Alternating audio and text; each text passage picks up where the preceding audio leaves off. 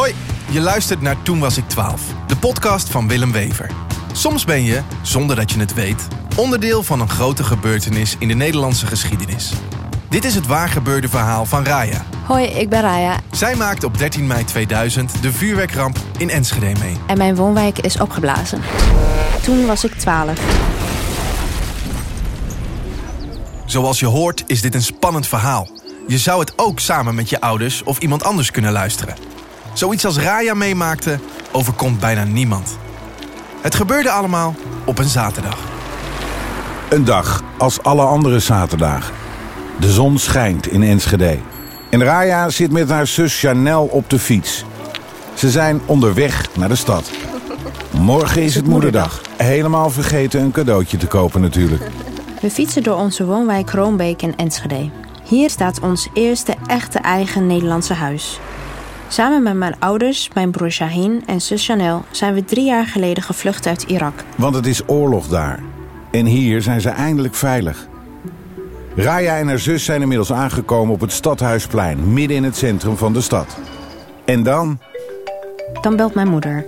Ze weet niet wat er aan de hand is, maar er was een knal. En er komt rook uit een gebouw vlak bij ons huis. Ga daar maar niet langs op de terugweg, zegt ze. We kijken omhoog en zien een gigantische grote witte wolk boven onze woonwijk.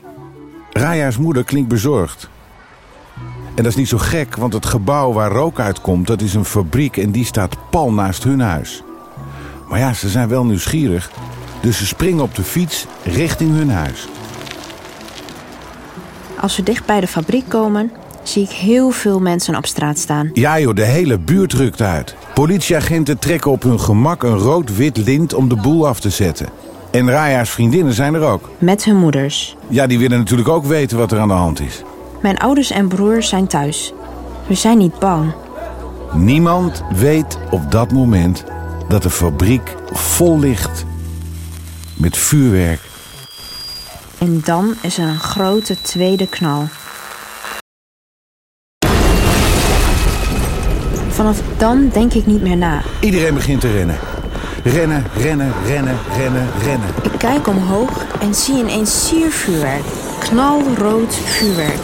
Het valt naar beneden als een kooi om ons heen. Raya trekt haar zus mee. Het is chaos op straat. Overal rook. Dakpannen vliegen in het rond en uit alle hoeken en struiken komen huisdieren rennen. Het is echt bizar. Katten, honden, konijnen. Ze vluchten voor het gevaar. Raya's zus schreeuwt dat ze naar huis wil. Maar als je naar rechts gaat, als iedereen naar voren rent... kun je vallen en geplet worden. Ik zie aan haar gezicht dat ze in paniek is. Kalm blijven nu. Sterk zijn. Weg hier. Dan de derde knal. Ik voel de aarde trillen. We rennen door de bocht onze straat uit een andere straat in. Ramen exploderen. Glas schiet alle kanten op. Niks anders dan puin. Oorlogsgebied. Mijn zus heeft bloed aan haar voet. Ik ben de enige die niks heeft. We weten niet waar onze ouders en broer zijn. Zouden ze nog leven? Alsjeblieft laat ze in leven zijn. Het enige wat je kan doen is rennen. En pas stoppen als je veilig bent. Uiteindelijk bereiken we een veldje waar heel veel mensen staan. De politie is daar ook om mensen op te vangen. We mogen niet terug. Niet terug dus, om hun ouders en broer te zoeken. Gelukkig heeft Raya's zus een mobieltje. Ze nog leven? We proberen mijn vader en moeder te bellen. Alsjeblieft laat ze in leven zijn. Maar dat lukt niet. Blijven proberen. Teken van leven, alsjeblieft. Blijven proberen. Alsjeblieft laat in leven. Honderden mensen zijn elkaar kwijt. Het telefoonnetwerk ligt plat. Ziekenhuizen stromen vol met gewonden. En dan krijgt ook de rest van Nederland het nieuws te horen. Goedenavond, welkom bij deze extra uitzending van het RTL Nieuws. Zeker 20 doden en minstens 100 gewonden na een grote explosie in een vuurwerkbedrijf in Enschede. Er zou 100 ton aan vuurwerk zijn ontploft. In het centrum van de stad heersen chaos en paniek. Vanmiddag brak er brand uit in een opslagplaats van een vuurwerkbedrijf... en daarop volgden meerdere explosies. Ja, je kon je gewoon niet verstappen. Ik bedoel, alles ging kapot. De muren, de dakpannen, alles ging kapot. Mensen liepen allemaal met bebloede gezichten, armen eraf, grote gapende wonden in de benen. En... Ja, raakte allemaal in paniek. Ze liepen allemaal over elkaar heen en zo. Je hebt ook mensen die vluchten de verkeerde kant uit. Dat krijg je gewoon in paniek. Wegwezen, die kant, je gaat fout. Wie nu door Enschede loopt, ziet een reusachtig slagveld. In verder ben ik alles kwijt. Het enige wat ik nog heb, dat is uh, wat ik nou aan heb. Hoe voelt u zich daaronder? Geen idee. Ik weet nog niet hoe ik me voel. Opeens is daar een Nederlandse vrouw. Raya en haar zus mogen binnenkomen. Gelukkig even ademhalen. Even uit de chaos. Ze krijgen een glas water en een koekje. Raya's zus mag bellen naar hun vader met de huistelefoon. Blijf proberen en hoop houden.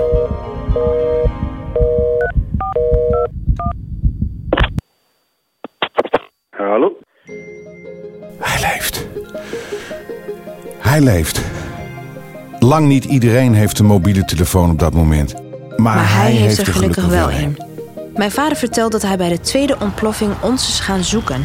Hij rent de menigte in. Hij aarzelt geen seconde. Hij heeft in Irak elf jaar in het leger gezeten. Hij is oorlog gewend. Raya's vader baant zich verblind door de rook een weg door het puin en de rennende mensen. Niet wetende of hij zijn gezin ooit terug zal zien. Weer terug bij het huis vindt hij Raya's moeder en broer. Helemaal onder het bloed. Het dak staat in brand. Eén grote vuurmassa. Ze moeten weg, nu. Onze auto is voor een groot deel letterlijk plat. Toch probeert mijn vader hem te starten. En wonderbaarlijk genoeg lukt dat ook nog. Hij brengt mijn moeder en broer naar vrienden in een flat verderop. En Raya en haar zus die haalt hij op bij de Nederlandse vrouw... waar ze op dat moment aan het schuilen zijn. En brengt ons naar de flat waar ook mijn moeder en mijn broer zijn. Ze zijn allemaal samen eventjes. Want Raya's moeder en broer moeten verzorgd worden in het ziekenhuis. Gelukkig hoeven ze niet lang te blijven. Ze hebben hier en daar wat wonden, maar niks ernstigs. En in de avond haalt mijn oom uit Hengelen ons allemaal op. We mogen logeren bij hem, mijn tante, mijn neef en mijn nicht. Met z'n negenen in één appartement. Samen maken wij de bedden op. En als ik onder mijn deken lig, voel ik me eindelijk veilig. Eindelijk veilig. Gelukkig.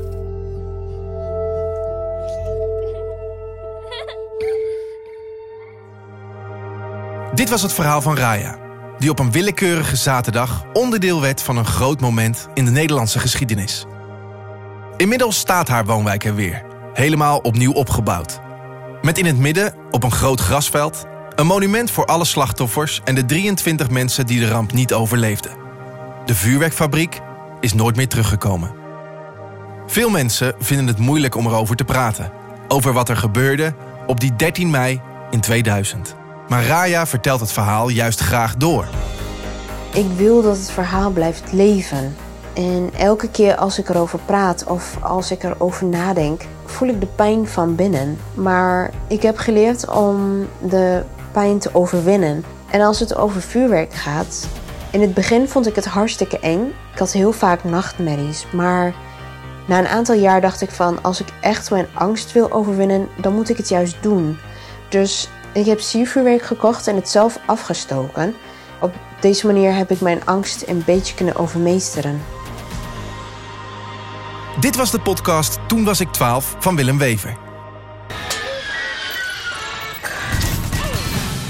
Wil je meer verhalen horen? Luister in het volgende deel naar het verhaal van Geert. Zijn klas werd in 1977 door vier mannen gegijzeld. Er werd ook direct duidelijk gemaakt, jullie gaan niet naar huis. Dit is een gijzeling. Uh, u uh, moet met uw klas mee naar de overblijflokaal. Nou, zegt ze, maar waarom? Ik ben hier aan het lesgeven.